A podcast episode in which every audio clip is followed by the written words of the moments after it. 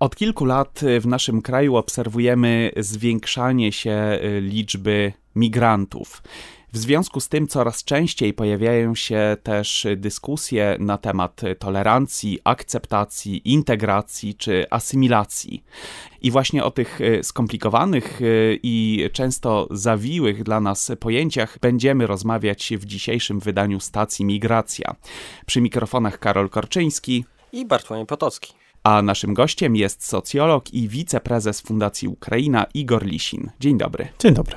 Tolerancja. Może mm, pierwsza kwestia, którą e, byśmy e, poruszyli w naszej dzisiejszej audycji.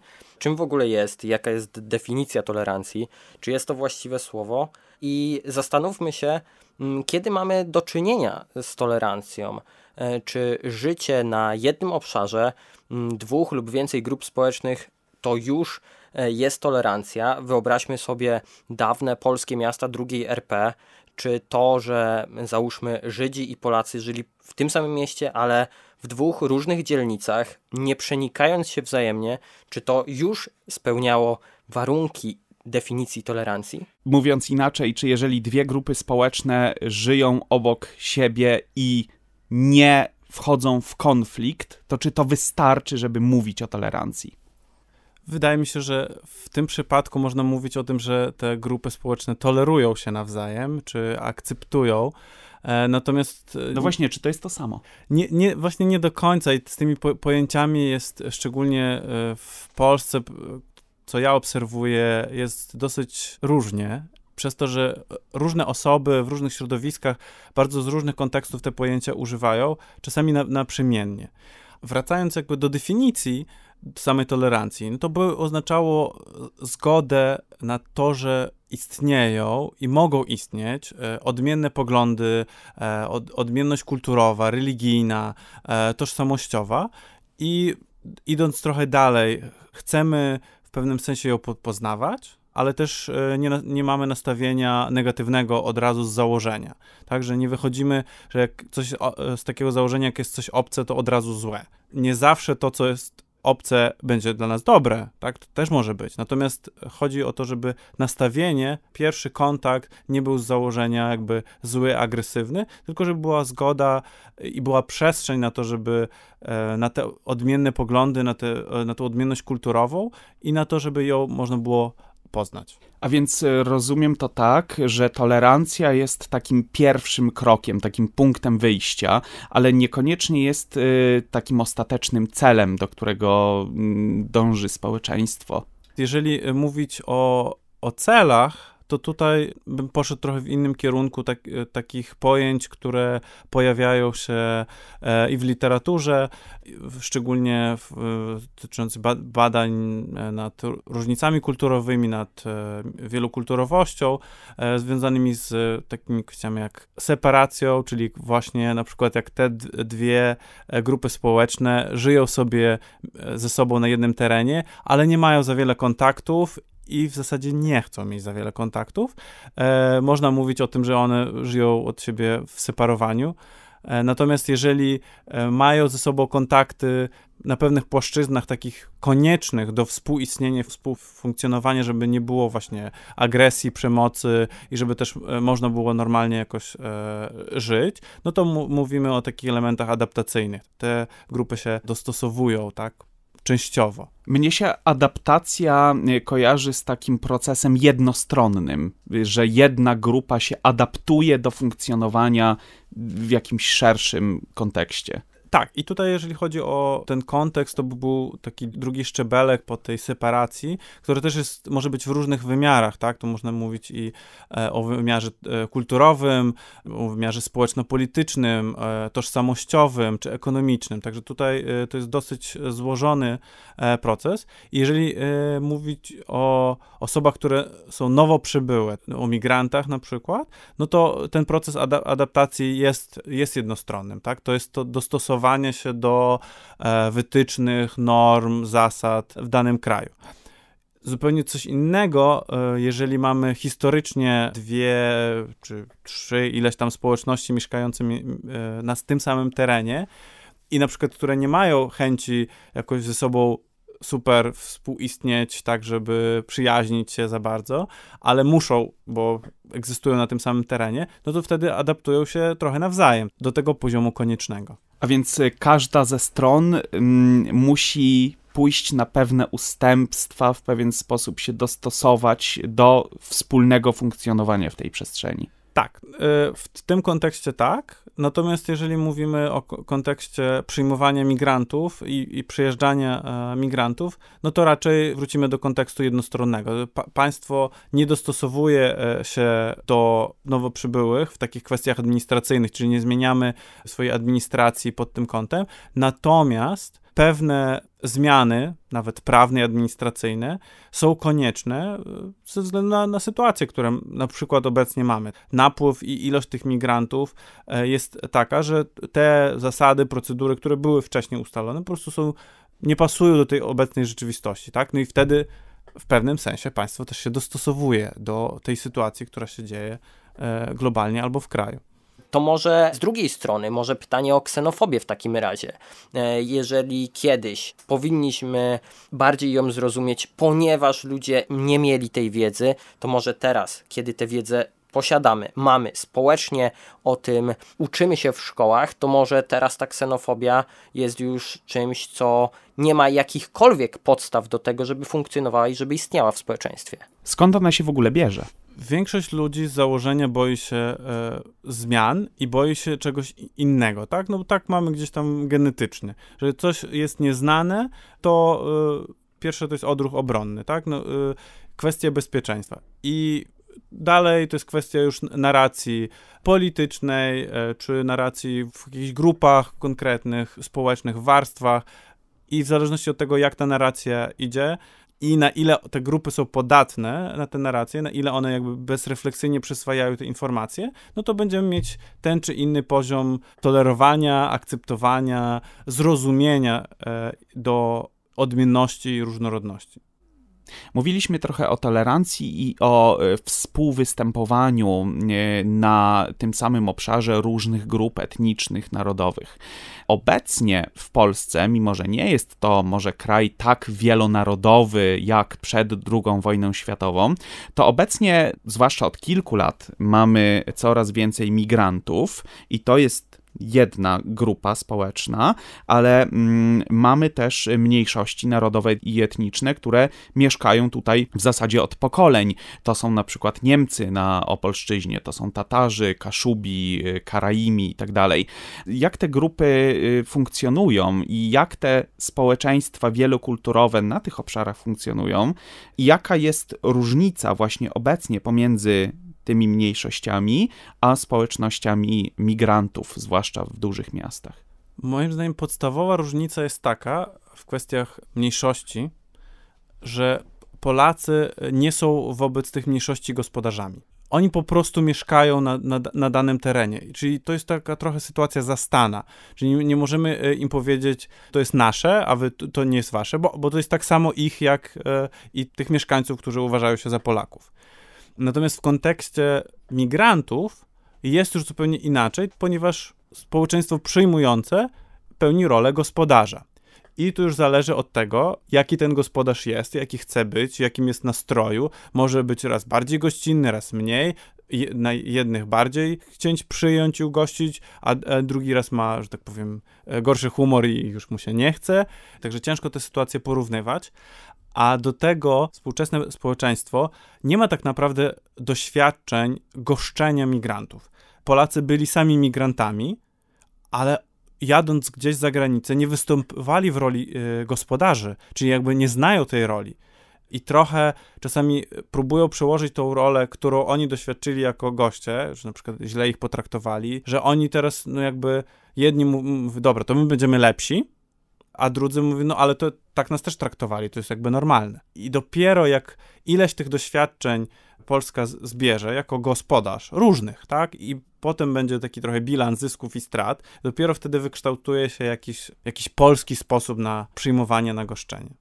A więc każdy naród ma własny sposób? Czy, czy jest y, w takim razie mm, jakiś optymalny sposób na traktowanie y, migrantów? Czy sposób na bycie tym gospodarzem? Wydaje mi się, że we współczesnym y, świecie zrozumienie i trochę zaakceptowanie tego, że procesy migracyjne są naturalne i nieuniknione, już e, zdejmuje trochę takiej presji, takiego napięcia, że można, nie wiem, jakoś temu zaradzić, można to jakoś zmienić, zastopo zastopować. I wtedy na najlepiej myśleć o tych ludziach jako o nowych sąsiadach, którzy, z którymi chcemy mieszkać, z którymi chcemy, żeby nam się mieszkało komfortowo, ale wiadomo, porównując do deweloperki, jak przyjeżdżamy gdzieś tam, albo na przykład przyjeżdżają nowi sąsiedzi, no to wiadomo, że oni już tam będą mieszkać. W sensie nie, nie mamy wpływu na to, żeby ich wysiedlić. To chcemy, chcemy znaleźć jakieś rozwiązanie, które będzie dogodne i dla jednej i dla drugiej strony. Jakby podstawową kwestią, żeby móc rozmawiać i z jednej strony, drugiej strony, to jest poczucie bezpieczeństwa na które się składa najczęściej po stronie społeczeństwa przyjmującego wiedza i doświadczenie wobec innych kultur, wobec innych religii, e, wobec różnorodności, czyli tu jest kwestia edukacji, a z drugiej strony e, w kontekście migrantów to jest kwestia mieszkaniowo-pobytowa, czyli jak oni mają zapewnione te takie podstawy, to, to mogą czuć się bezpiecznie i wtedy mo mogą też łatwiej się dostosowywać, wchodzić w, w interakcje, integrować się, dzielić się, przyjmować i tak dalej. Mi się bardzo podoba e, metafora tych sąsiadów e, w tym mieszkaniu i kiedy my już mieszkamy w danym mieszkaniu, a ktoś e, nowy kupuje to mieszkanie, to z jednej strony fajnie jest, żeby mu pokazać na przykład, gdzie jest komora do wyrzucania śmieci, czy gdzie jest, nie wiem, siedziba zarządcy, ale z drugiej strony nie, nie pokazujmy mu tego, jaki jest rozkład jego własnego mieszkania, prawda? Tego się sam dowie. I tutaj o to chyba też powinno chodzić w kwestii migrantów. Nie powinniśmy być jako postkolonijni panowie, którzy teraz nauczą tych migrantów, którzy przyjeżdżają do ich metropolii, tego jak powinno się żyć, bo ci ludzie spokojnie potrafią żyć, a jedyne czego powinniśmy im pokazać, to właśnie tych podstawowych rzeczy, żeby już sami sobie mogli później resztę swojego życia i pobytu urządzić, prawda? Absolutnie się z tym e, zgadzam. Osoby, które przyjeżdżają, trochę potrzebują często takiego drogowskazu, ale też e, zasad i wytycznych w zrozumiały sposób. Co mogą, czego nie mogą. Oczywiście mamy jakieś tam powiedzmy ogólnoświatowe normy prawa człowieka i tak dalej. Natomiast w niektórych krajach one są e, bardziej znane, e, bardziej przestrzegane, respektowane, ale też jest kwestia edukacji, czy czasami nawet ignorancji pewnych osób e, co do wiedzy. To dotyczy wszystkich, nie, nie tylko migrantów. I tu jest bardziej kwestia tego, żeby pomóc temu nowemu sąsiadowi ogarnąć się w tych częściach wspólnych ale właśnie tak jak e, Bartku mówisz, nie w jego własnym mieszkaniu, chyba że o to poprosi, że on zupełnie tego nie ogarnia i potrzebuje większego wsparcia to, o czym mówimy, dość mocno chyba wiąże się z pojęciami integracji czy asymilacji. E, to są dwa pojęcia, które są stosowane bardzo często zamiennie, e, niestety. ale niestety, ale chyba nie do końca jest to właśnie słuszne podejście. No więc wyjaśnij nam, jaka jest różnica, czym jest integracja i czym jest asymilacja to zacznę od e, asymilacji, ponieważ ja osobiście bardzo nie lubię używania tego pojęcia, e, szczególnie, że ono używane często jest wyrwane z kontekstu, e, używane dosyć bezmyślnie i używane w sposób, który jest po prostu krzywdzący. Mm, także zniechęcam w ogóle do używania tego pojęcia, chociaż są konteksty, w których e, wcale nie jest ono złym pojęciem. Proces asymilacji e, jest procesem znowuż e, bardziej jednostronnym, kiedy to oczekuje się od osoby, od grupy, która przybyła, całkowite przyjęcie norm, zasad, obyczajów, a nawet tych aspektów wymiar, wymiaru tożsamościowego kraju czy miejsca przyjmującego i zrzeczenia się, wyparcie, zapomnienie swojej kultury, swojej, swoich obyczajów, pewnych aspektów tożsamościowych, które wynikają z dotychczasowego e, miejsca pobytu i z dotychczasowego środowiska. Co de facto, tak e, jakby socjologicznie, kulturowo e, na to patrząc, nie jest możliwe dla migrantów pierwszego pokolenia. Najczęściej nie jest możliwe też dla migrantów drugiego pokolenia. Jest już zdecydowanie możliwe dla trzeciego pokolenia, ale to też jest de facto dużo, dużo pracy, a, a raczej bym powiedział dużo zaniedbań w, ze strony migrantów, którzy wtedy e, w ogóle nie dbają o to, żeby kultywować język, tradycje i tak dalej i po prostu ten e, nowy człowiek z kolejnej generacji, czy z kolejnego pokolenia po prostu wsiąka całkowicie w społeczeństwo przyjmujące, jakby już w ogóle nie pamiętając nic e, z własnej kultury. I używanie czegoś takiego, e, czy w, w, urzędowych dokumentach, czy w jakiejś takiej publicznej narracji jest po prostu krzywdzące, bo nie jest możliwe do zrealizowania, nawet jak ktoś by bardzo chciał ciężko wymagać czegoś, czego z założenia nie da się zrealizować, tak? To jest po prostu, wtedy już jest e, kwestią dyskryminacyjną. Można mówić o pojęciach e, symilacji administracyjnej czy, czy ekonomicznej, natomiast ja bym polecał w ogóle nie używać tego określenia, ponieważ jest pojęcie integracji, które też można powiedzieć integracja pełna, częściowa, które de facto jakby spełnia wszystkie te przesłanki, których docelowo pragnie społeczeństwo przyjmujące, czyli w kontekście administracyjnych procedur czy ekonomicznych, że całe e, swoje centrum życiowe, całe skoncentrowanie swojej energii jest w tym już kraju przyjmującym. Czyli integracja różni się tym, że przy integracji pełnej po prostu nie wyzbywamy się swojej tożsamości pochodzenia jednocześnie przyjmując całą nową tożsamość, prawda? Czyli posiadamy dwie. E, nie mamy żadnego minusu, mamy po prostu dwa plusy. Tak, i, przy, i staramy się ją przyjmować też e, e, z refleksją. To znaczy, że w pewnym sensie swoją obecnością integrując się, wpływamy też na drugą stronę. I czasami długotrwała integracja powoduje to, że że te kultury, tożsamości, one się zaczynają przeplatać. I mamy te, temu e, bardzo ładne przykłady e, kulturowe w Polsce, gdzie właśnie te kultury różne się przyplatają i pewne aspekty, elementy w procesie integracji, jak już by zostały e, wszczepione, wrosły, że tak powiem, w kulturę polską i już traktowane są jako swoje. I de facto jakby wzbogacają tą kulturę, a są pochodzenia niepolskiego migranci nie są jednolitą grupą i mamy migrantów tak zwanych ekonomicznych i mamy też uchodźców. Migranci ekonomiczni chcą mm, pojechać do nowego kraju i tam układać sobie swoje życie. Uchodźcy nie mogą żyć w swoim kraju pochodzenia, mimo tego, żeby chcieli. I jeżeli mówimy o integracji, to czy nie powinniśmy jednak różnicować integrację migrantów ekonomicznych i uchodźców, może sposoby tego, w jaki sposób ich integrować, skoro uchodźcy znaleźli się w nie swoim kraju nie dlatego, że chcieli, tylko dlatego, że nie mogli żyć u siebie. To, to jest dosyć złożony, złożony proces. Integracja w ogóle jest złożonym procesem. I też patrząc na migrantów ekonomicznych, nie każdy chce tutaj zostać na zawsze. Nie każdy też wie, czy, czy będzie chciał e, zostać tutaj na zawsze. A z drugiej strony niektórzy uchodźcy decydują się w kraju przyjmującym zostać na dłużej, na całe życie. E, oczywiście. Tu jest kwestia taka, że czasami e, czynimy jakieś takie założenia bardzo długoterminowe, e, natomiast nie zawsze mamy na to wpływ i często e, nawet nie, z, nie ze złej woli ci sami migranci nie wiedzą, czy, czy za pół roku, za rok, za trzy będą dalej chcieć mieszkać w tym kraju, no bo dopiero próbują się tutaj odnaleźć.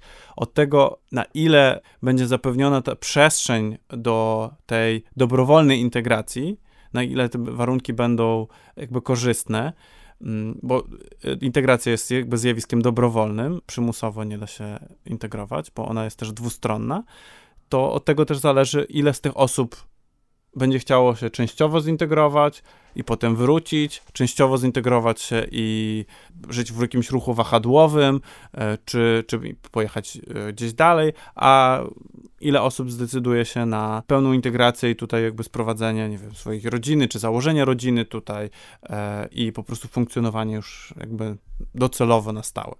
Czyli my w zasadzie nie za bardzo możemy wywoływać to zjawisko integracji, a możemy tylko stwarzać warunki do tego, żeby ta integracja mogła zachodzić. W pewnym sensie tak, bo jakbyśmy zaczęli coś forsować, to może, można spotkać się też z oporem i wtedy mamy przykłady z innych krajów, e, pojawiają się zjawiska e, getyzacji, kiedy ludzie czujący presję zaczynają oporować, wtedy oni się integrują szybciej między sobą, żeby się bronić wobec tej presji. No i wtedy takie zjawiska już nie do końca są korzystne, a w, zasadzie w ogóle nie są korzystne dla kraju przyjmującego, kiedy pojawiają się getta, kiedy ludzie właśnie żyją w, w odseparowaniu i próbują sobie całe swoje życie we własnym gronie e, zorganizować. A to się pojawia e, najczęściej, bo ktoś wywoła, e, wywołuje jakąś presję, albo nie ma przestrzeni na to, żeby się integrować, albo wobec osób, które mają tendencję do trzymania się, bo tak kulturowo na przykład mają, e, nie ma zarządzania. Tak, jakby po prostu zostają, że tak powiem, pozostawieni samopasem, no i wtedy y, naturalny odruch to się y, grupują, bo tak są przyzwyczajeni na przykład w swoim miejscu zamieszkania czy pochodzenia. Czy moglibyśmy stwierdzić, że organizacje, na przykład mm, NGOsy zajmujące się właśnie integracją migrantów, y, mogą unikać mówienia o końcowym efekcie właśnie integracji pełnej przez to, żeby właśnie nie straszyć, nie wywoływać presji na cudzoziemców, bo odnoszę wrażenie, że to jest temat, który troszeczkę gdzieś jest tam po cichu traktowany, że nie mówimy tego, jaki powinien być efekt tej integracji. Dużo mówimy o tym, że organizacje zajmują się integracją, ale co z tego będzie, jaki będzie efekt, o tym już trochę mniej. I czy w ogóle jest taki moment, y, w którym możemy y, uznać, że ta integracja została zakończona? Wydaje mi się, że to jest bardzo indywidualny proces. Niektóre osoby stwierdzą w którymś momencie, że ok, ja już się zintegrowałem i ja czuję się super i nic mi więcej nie potrzeba, a ze strony innych osób, nie wiem, będą słyszeć do tej pory, da, dalej będą słyszeć akcent, czy dalej będą mówić, a ty nie znasz naszej tam historii, czy nie znasz tych bajek, które my znamy z dzieciństwa, tak? No jakby wciąż będą postrzegać e, tą osobę jako obcą, odmienną, jeżeli na to się zdecydują.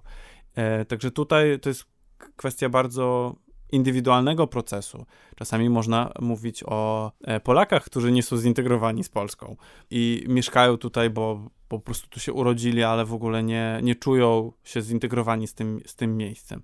Także to, to jest e, złożony, długotrwały proces, który też przechodzi e, przez pokolenia. W zależności od tego, ile będzie tej przestrzeni na bezpieczną integrację, to ona będzie szła szybciej, albo, albo właśnie będzie utrudniana, będzie szła wolniej, wtedy będą się pojawiać e, pewne e, problemy, konflikty. I tutaj wracając do organizacji pozarządowych, oczywiście organizacje pozarządowe stymulują integrację poprzez stwarzanie właśnie przestrzeni, nawet takich małych. Bo czym tak w takim dużym uproszczeniu jest integracja, to jak jedna osoba, która jest odmienna e, w jakiś sposób od drugiej, mają szansę się poznać mają szansę coś razem robić, e, mają szansę mm, spędzić razem czas i mają otwarte umysły, czyli chcą w jakiś sposób się, się poznawać. I stwarzając przeróżne e, przestrzenie w różnych formatach, te organizacje dają możliwość ludziom się poznawać i tym samym jakby integrować i w perspektywie, długiej perspektywie, po prostu lepiej, bezkonfliktowo mówię o takich jakby globalnych konfliktach, nie konfliktach, gdzie się ktoś kłóci e, o coś, ale w, tak, w takim globalnym wymiarze bezkonfliktowo e, funkcjonować na jednej przestrzeni. Myślę, że y, jeszcze innym powodem tego, że rzeczywiście organizacje zajmujące się migracjami nie wyznaczają tych ostatecznych celów swojej działalności, jest też to, że przecież cały czas pojawiają się nowi migranci. I nawet jeżeli niektóre grupy czy niektóre części tej społeczności migranckiej rzeczywiście się zintegrują, nawet w pełni, to nadal pojawiają się nowi, którzy od nowa muszą odnaleźć swoje miejsce, więc te organizacje cały czas są potrzebne. Zdecydowanie i ciężko e, byłoby prowadzić jakąś jedną osobę konkretną przez ten cały proces, bo, bo, bo, są różne potrzeby na różnym etapie i organizacje jakby ani nie mają ze sobą ani środków, żeby odpowiadać na wszystkie te potrzeby przeróżne z różnych e, bardzo kontekstów. E, natomiast to, o czym mówisz, że z jednej strony jest duża rotacja, bo wciąż jest, mamy sezonowość i wahadłowość tej migracji, czyli pojawiają się nowe, nowe osoby, ale też y, osoby, które są dłużej tutaj, pojawiają się nowe wyzwania, nowe problemy, czy, czy nowe jakieś zadania dla, y, dla tych samych grup. Też z kolei w ogóle migranci, którzy mieszkają dłużej i starają się o obywatelstwo i zostają obywatelami, to też jakby zaczynają mieć zupełnie inną perspektywę, bo oprócz tego dochodzą im jeszcze kwestie e, właśnie zaangażowania obywatelskiego, głosowania, rozpoznania kwestii tego, jak tu polityka, e, kto, kto jakie ma programy i tak dalej, czyli jakby norm, wszystkie te normalne, codzienne rzeczy Polaków jakby też wchodzą w grę, ale nie znikają te rzeczy związane z byciem migrantem, no bo e, jakby wciąż ci, ci ludzie, nie wiem, często nie mają e, swojej babci tutaj na wsi, do której mogą na przykład odwieźć wnuki albo dzieci, nie mają różnych e, połączeń, nie mają, czasami nie mają takich sieci kontaktów i sieci wsparcia, czyli dalej muszą nad tym wszystkim pracować, tak jakby od nowa, to wszystko rozbudowywać od nowa i wszystkie te, te, te sieci e, tworzyć. I oczywiście dużo łatwiej jest tworzyć te sieci ze swoimi, że tak powiem, w cudzysłowiu. Natomiast jeżeli ludzie mają przestrzeń i czują się bezpiecznie, no to żeby tworzyć te sieci z osobami po prostu, z którymi oni chcą je tworzyć, niezależnie od tego, czy to jest twój rodak, czy to jest Polak, czy to w ogóle jeszcze osoba z jakiejś innej narodowości, to to jest jakby właściwa, właściwa przestrzeń do, e, do tej pełnej integracji. Wydaje mi się, że to zainteresowanie polityką na przykład, czy uczestnictwo w wyborach, no oczywiście w takim zakresie, w jakim migranci mogą to robić, wydaje mi się, że to jest taki ostateczny, czy najbardziej zaawansowany etap tej integracji, dlatego że chyba, przynajmniej tak jest z moich obserwacji, najpierw migranci muszą się zintegrować ze społecznością Polaków, muszą poznać Polaków, nawiązać te bliskie y, kontakty, żeby potem zacząć interesować się w ogóle tymi sprawami, które interesują Polaków, czyli na przykład polską polityką.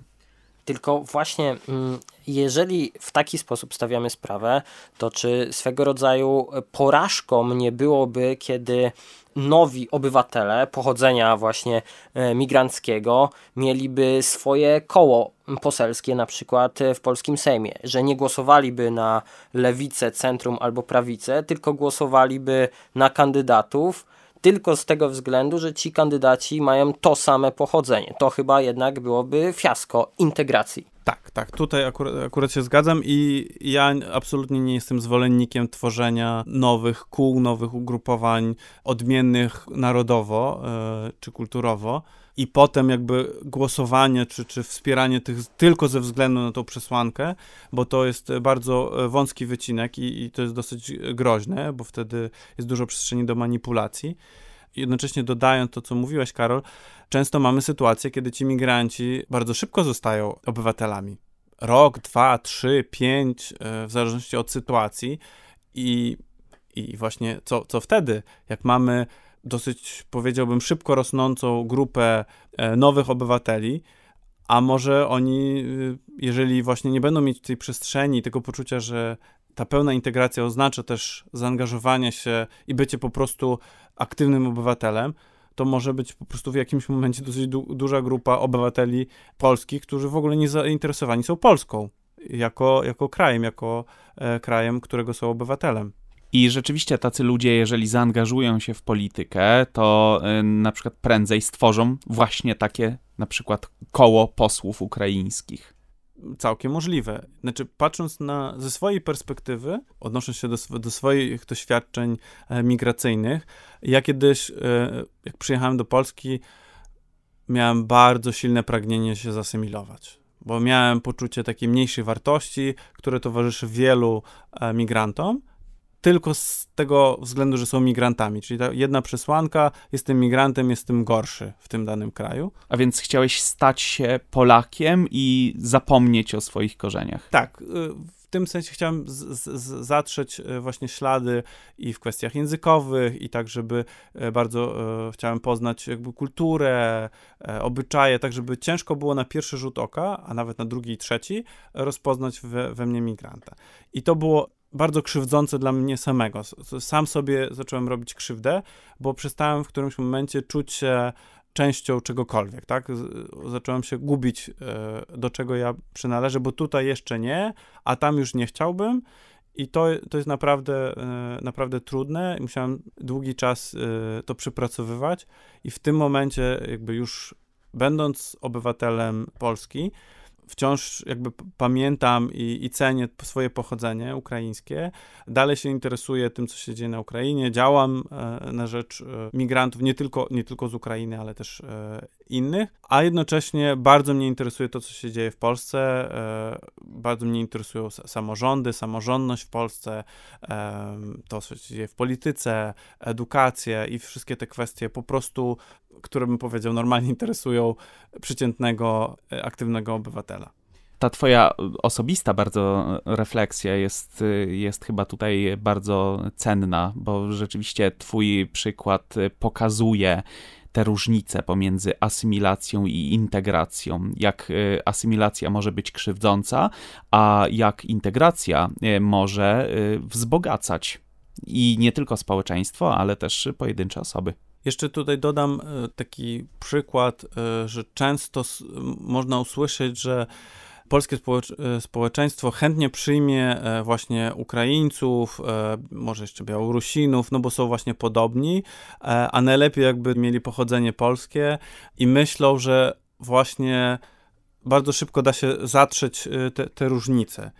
Podając taki przykład, miałem na studiach kilka osób właśnie z Polonii, z Kazachstanu i z Ukrainy, którzy po kilku latach mieszkania wciąż mówili bardzo słabo po polsku, e, z bardzo dużym akcentem, chociaż no normalnie pochodzenie mieli polskie i dalej nie byli akceptowani, w sensie dalej byli traktowani jako ci ze wschodu. Nie tylko pochodzenie przecież świadczy o tym, czy dana osoba się dobrze zintegruje i czy zintegruje się szybko, ale też przecież osobiste cechy charakteru danej osoby, nie wiem, otwartość na świat i na nowe doświadczenia. Ja powiem tutaj też od strony prawnej, jak to wygląda, i w Polsce to wygląda bardzo ciekawie. My mamy, można powiedzieć, niedostosowane prawo do tego, kto ma być obywatelem polskim, i właśnie osoby z polskim pochodzeniem bardzo szybko, stosunkowo prosto mogą otrzymać polskie obywatelstwo.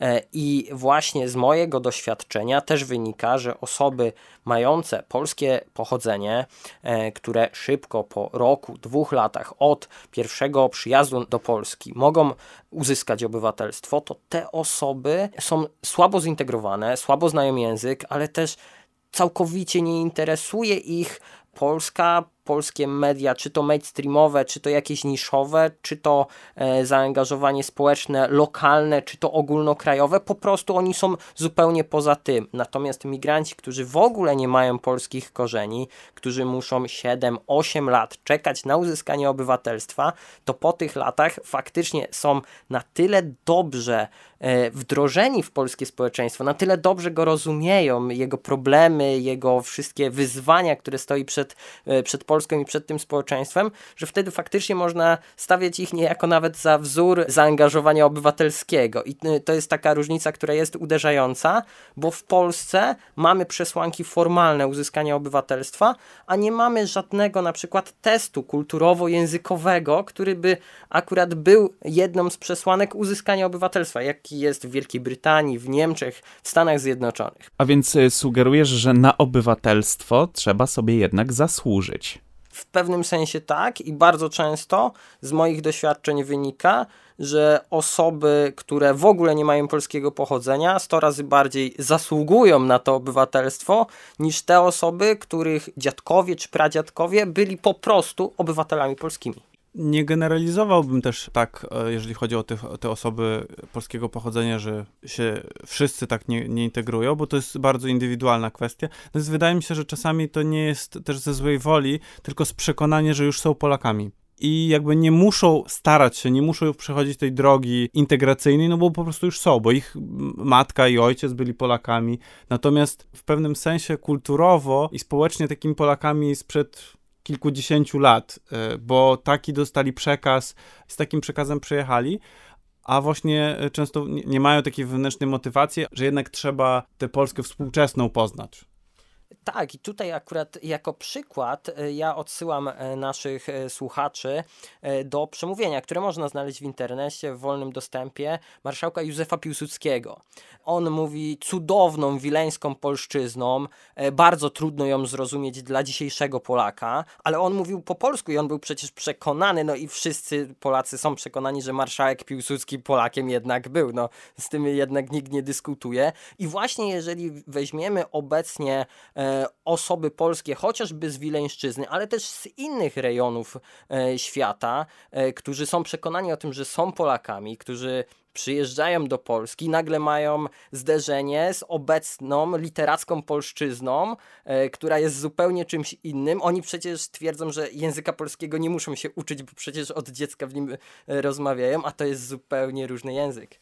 Oprócz tego, jak ktoś przyjeżdża na przykład z Kazachstanu i jednak większość swojego życia e, mieszkał w Kazachstanie, no to je, jednak przesiąka e, bardzo mocno tą kulturą i jednak w tych aspektach jest migrantem kulturowym, tak? I tutaj zachęcam wszystkich do właśnie takiego otwartego umysłu, żeby sprawdzić, na ile też chce jako migrant pochodzenia polskiego, czy też nie, integrować się e, i też sobie zadać pytanie, jeżeli wiąże swoją przyszłość z Polską, patrząc na obecną sytuację i patrząc na e, kraj, jakim jest Polska, to warto po prostu się zainteresować tym, co jest fajnego w tym kraju, e, warto się zainteresować e, językiem i wtedy jakby jakość życia też jest e, dużo, dużo wyższa.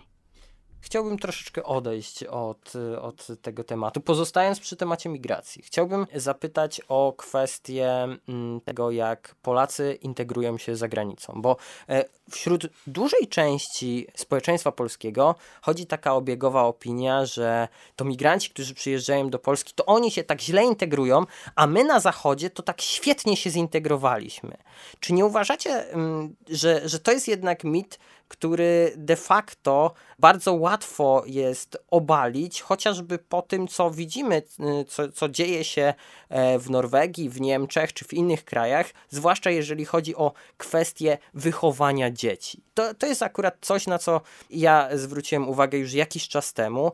Przecież będąc w danym e, kraju, wiemy, że dany kraj w różny sposób podchodzi do relacji między rodzicami a dziećmi, do tego, jak powinno wyglądać wychowanie nowego pokolenia i Polakom bardzo ciężko jest zrezygnować z tego, co przywieźli ze swojego kraju, czyli z tej bardzo mocnej, powszechnej władzy rodzicielskiej e, i bardzo nie lubią, kiedy jakiekolwiek instytucje wtrącają się właśnie w to wychowywanie. E, czy nie uważacie, że właśnie to dowodzi tego, że nie widzimy błędów siebie jako społeczeństwa polskiego, że wydaje nam się, że my świetnie się integrujemy, a to migranci, którzy przyjeżdżają do nas, to, to tylko oni mają problemy z integracją?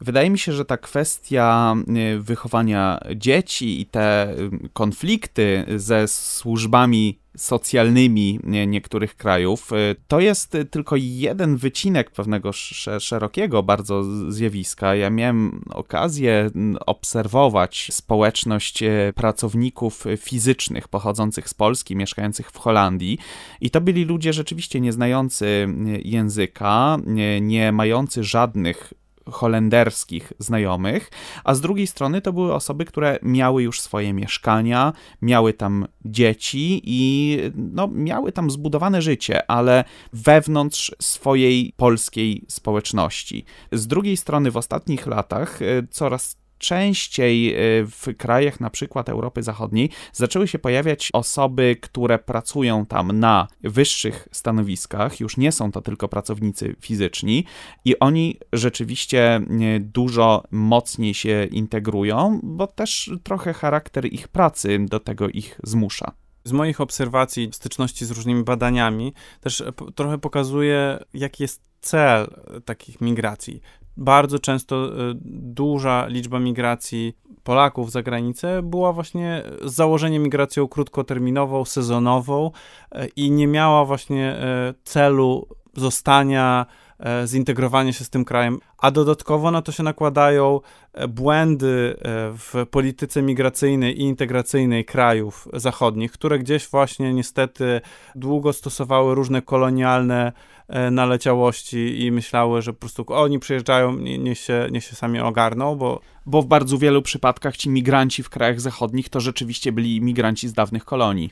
Tak. I tutaj jakby pewne schematy też utrudniały, i nie zachęcały do tego, żeby społeczności polskich migrantów gdzieś się integrowały, bo tak jest po prostu też łatwiej, jak możesz rozmawiać w swoim języku, a jeszcze jak pracujesz ze wszystkimi, łatwiej wynająć mieszkanie z kimś i tak dalej. Natomiast niektórzy zostali i już tam mieszkają i część z tych osób w którymś momencie właśnie naturalnie poznając znajomych, przyjaciół e, z danego kraju, zaczęła się integrować, a część jakby została w tym samym paradygmacie, schemacie, którym była dotychczas.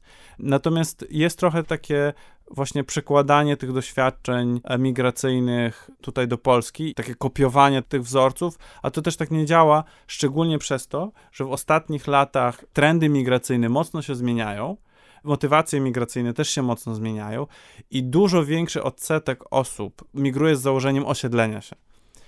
I to jest zupełnie inna motywacja, kiedy ktoś jedzie do innego kraju z takim założeniem, zabiera ze sobą rodzinę, no zupełnie inaczej podchodzi do kwestii integracyjnych, do kwestii rozpoznania się w terenie, niż ktoś, kto z założenia jedzie, ok, to sobie popracuję, zobaczę, a i tak pewnie wrócę, a to już na pewno na emeryturę wrócę do swojego kraju a z drugiej strony takie osoby przyjeżdżające do innego kraju z założeniem, że to jest na chwilę, że to jest stan tymczasowy, okazuje się, że zostają tam na bardzo wiele lat, a jednak się nie integrują.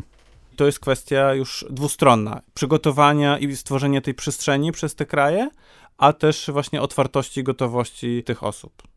Myślę, że takim dobrym podsumowaniem naszej rozmowy y, będzie zastanowienie się, jak y, budować to społeczeństwo oparte na akceptacji oparte na integracji wzajemnej. Wydaje mi się, że w zasadzie cztery mm, podmioty czy cztery grupy w tym procesie powinny uczestniczyć, czyli władze państwa przyjmującego, migranci, obywatele kraju przyjmującego i na przykład organizacje pozarządowe. A więc jakie są te rolę poszczególnych komponentów tego naszego społeczeństwa w tym procesie i jakie działania powinny być podejmowane, żeby ten proces był jak najskuteczniejszy. Fakt tego, że już mamy to społeczeństwo wielokulturowe i będzie coraz bardziej, jest już po prostu faktem i kwestia zaangażowania się i działania na jego rzecz to jest tylko kwestia, na ile zwiększymy komfort funkcjonowania w tej sytuacji, z którą mamy do czynienia. Migracji nie zatrzymamy, migracja jest zjawiskiem naturalnym, ona dalej będzie się działa, mogą się zmieniać motywacje, ale tutaj już tylko możemy zarządzać tym procesem wewnętrznie. I właśnie, pierwszą rzeczą, którą się trzeba zająć, to świadomym zarządzaniem migracją, czyli kwestie i regulacji, i e, określenie, kogo kraj potrzebuje jako tych migrantów, określenie też, jakie są preferowane, nie wiem, zawody, kompetencje, jakie poszukuje, żeby też zachęcać tych migrantów, których dany kraj po prostu potrzebuje, żeby móc świadomie tym procesem zarządzać. E, z drugiej strony państwo, ale też jakby poziom niżej samorządy powinny zadbać o te podstawowe kwestie e, bezpieczeństwa, czyli żeby można było w ogóle zacząć rozmawiać, no trzeba się czuć bezpiecznie.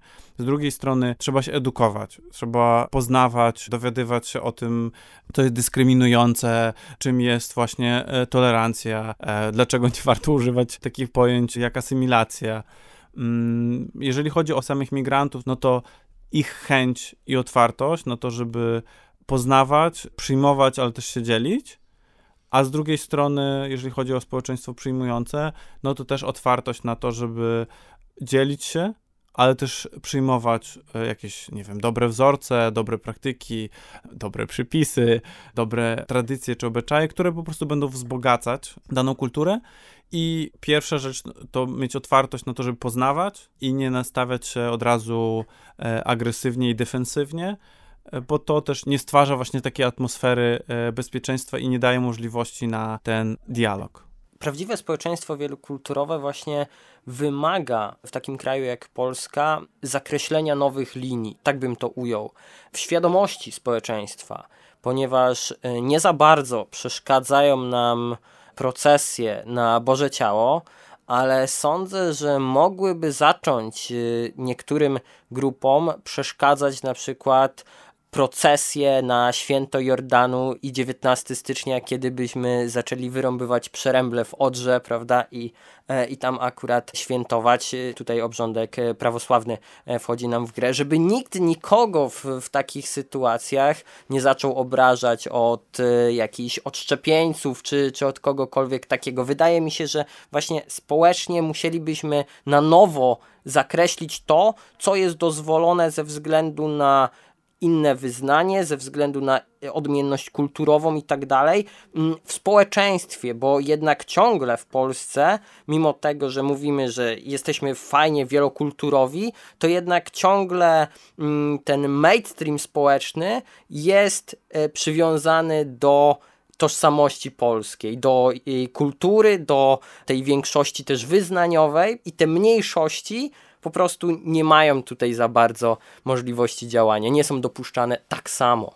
W pewnym sensie w perspektywie dłuższej, oczywiście, poprzez edukację, e, zrozumienie i zaakceptowanie tego, że ta tożsamość polska nie równa się obywatel polski.